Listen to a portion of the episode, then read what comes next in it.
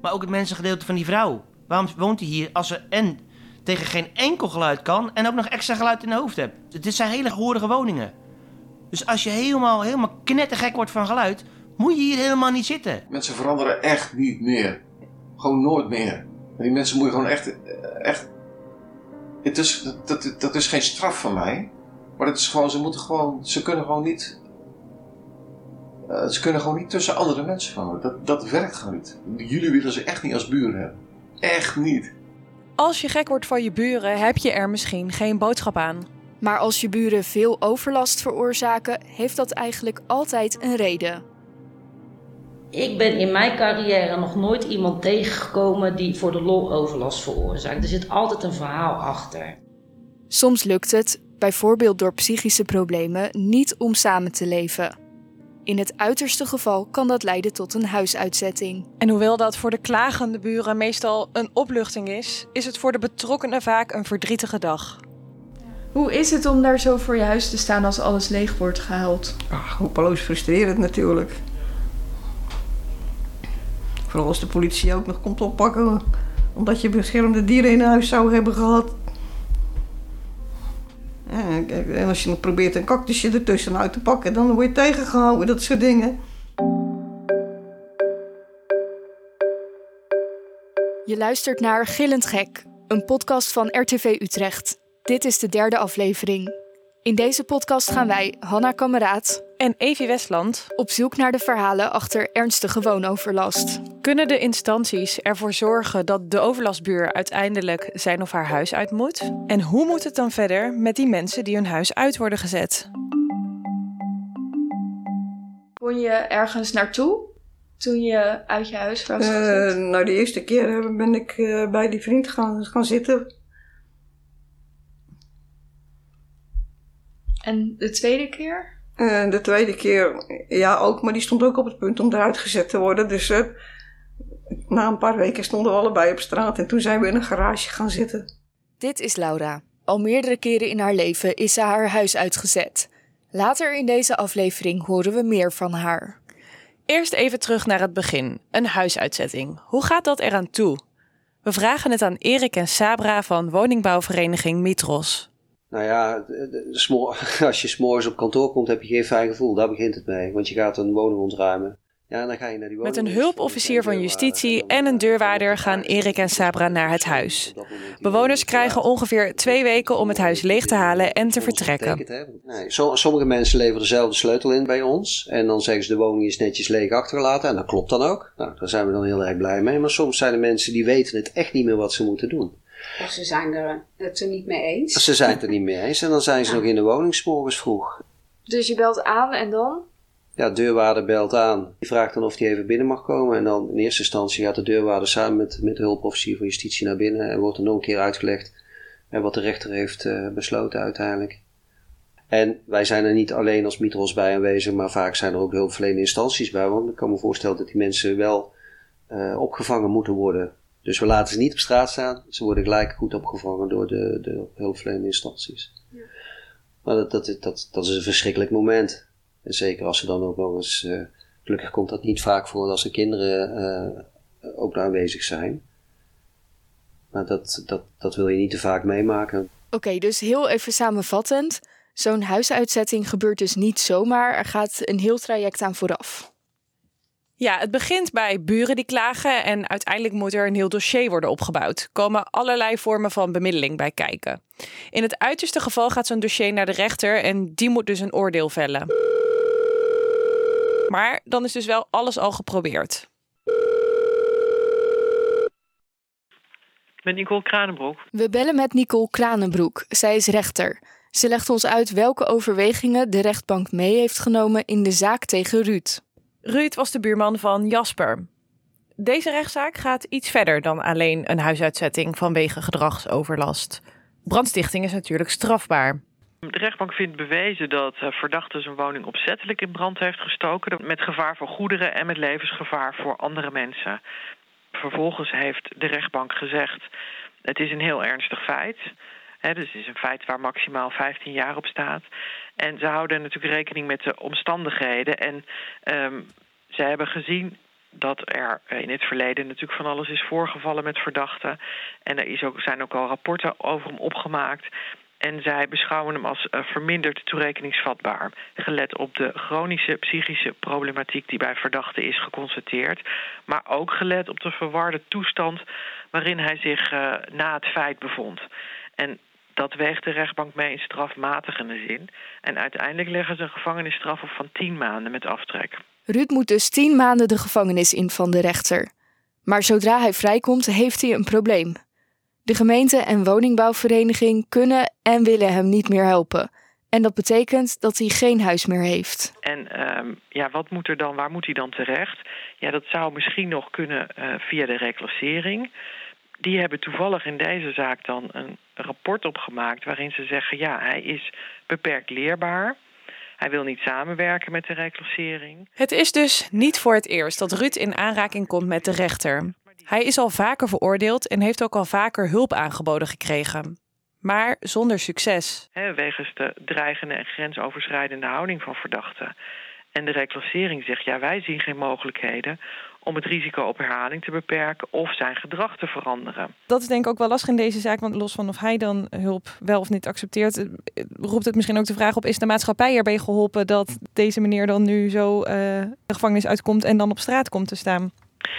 alles is eigenlijk terug te voeren op zijn problematiek. En dan is weer de vraag: ja, moet iemand met een dergelijke problematiek uh, op straat worden gezet? Het antwoord menselijkerwijs is uiteraard nee. Maar als je dat zegt, dan is er meteen een vraag van ja, wat dan wel? En dat is niet zo dat het strafrecht daar onmiddellijk een antwoord op heeft of de rechtbank. En dan is de vraag uiteindelijk, ja, hoe dan verder? Maar het is meer een maatschappelijk probleem, denk ik. He, Hoe je, je omgaat met mensen die gewoon uh, zich niet kunnen handhaven in deze maatschappij. Eve, wij waren zelf natuurlijk ook bij die zitting. Hoe vond jij dat Ruud overkwam? Ja, het eerste wat ik dacht was als deze man boos wordt, dan snap ik wel dat je bang bent. Was heel groot, kaal, tatoeages in zijn gezicht. Um, tegelijkertijd maakte hij ook best wel een neerslachtige indruk. Um, hij zat natuurlijk al in voorarrest in de gevangenis in Vught. En eigenlijk zag hij er vooral heel verdrietig uit. Ja, dat vond ik ook. En dat merkte je, vond ik ook wel in gesprek met de rechter. Want hij zou dan tijdens de brand hebben gezegd dat hij het had gedaan omdat hij niet meer wilde leven. En de rechter vroeg ook aan hem van, klopte dat? En als pers zit je helemaal achter in de zaal, dus je ziet niet echt zijn gezichtsuitdrukking. Maar op die vraag zag je hem wel knikken. Dus dat hij inderdaad op dat moment niet meer wilde leven. Ik, ik had toen wel echt met hem te doen. Wat ik ook wel opvallend vond, was dat het tijdens die rechtszaak zelf ook heel veel ging over hoe moet het nu verder met hem. En um, zijn eigen advocaat natuurlijk maakt zich dan hard voor zijn belangen. Maar ook de rechter en zelfs de officier van justitie, die vroegen zich ook allemaal hardop af. Wat zou nou het beste voor hem zijn? Want hij heeft straks natuurlijk gewoon geen woning meer. En dat is ook wel heel ingewikkeld, want het klinkt ook wel logisch wat Nicole net uitlegt. Dat de rechter of de reclassering ook niet zomaar een rij huizen heeft staan. Nee, en als iemand zelf geen hulp wil, dan houdt het misschien ook gewoon een keer op. En dan sta je er dus alleen voor.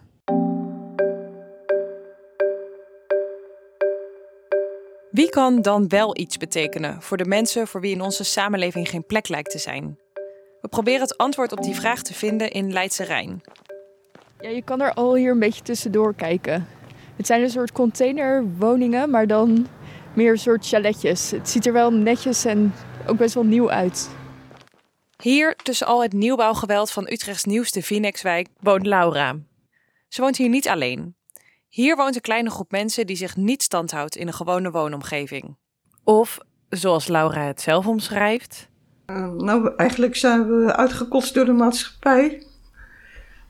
Na meerdere malen ons huis uitgezet te zijn. Dus dat geldt voor de meeste van ons. Uitgekotst door de maatschappij. Voelt iedereen dat hier zo?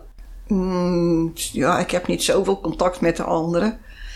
Maar uh, ja, ik, uh, ik neem aan dat de, dat de meesten dat ook wel zo voelen, ja. U voelt dat in ieder geval zo? ja. Ja, maar ik denk dat iedereen die zijn huis uit is gezet en hier terecht komt, dat het gevoel wel heeft, ja. Ja. Of ben je ben op zijn minst je huis uitgekotst. Ja, niet, niet fijn. Nee. Dat kan ik me voorstellen. Nee. Laura's buren klaagden vaak over haar bij de woningbouwvereniging. Ze vonden onder meer dat er een vieze stank rond haar flat hing.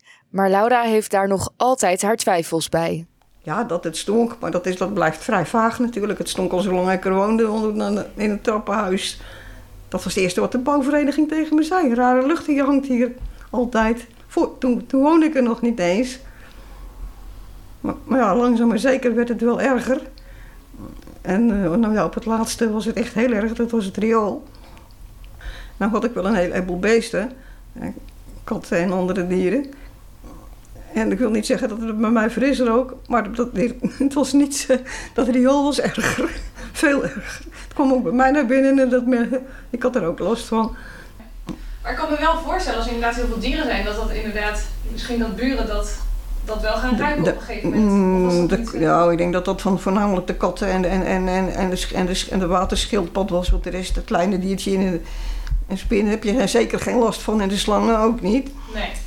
Kan je er iets bij voorstellen dat buren ergens over hebben geklaagd? Ja, uh, uh, ik kan me wel voorstellen dat ze bijvoorbeeld last hadden van de rommel op het balkon. Die, die, ik, het was het eerste wat ik, wat, wat ik, wat ik weg had willen zetten. Maar uh, ja, toen, toen ze gingen klagen, toen durfde ik niet meer met die zakken te doen. En later bleek dat, dat het last zou hadden van het balkon. Maar daar heeft de bouwvereniging nooit een woord over gezegd.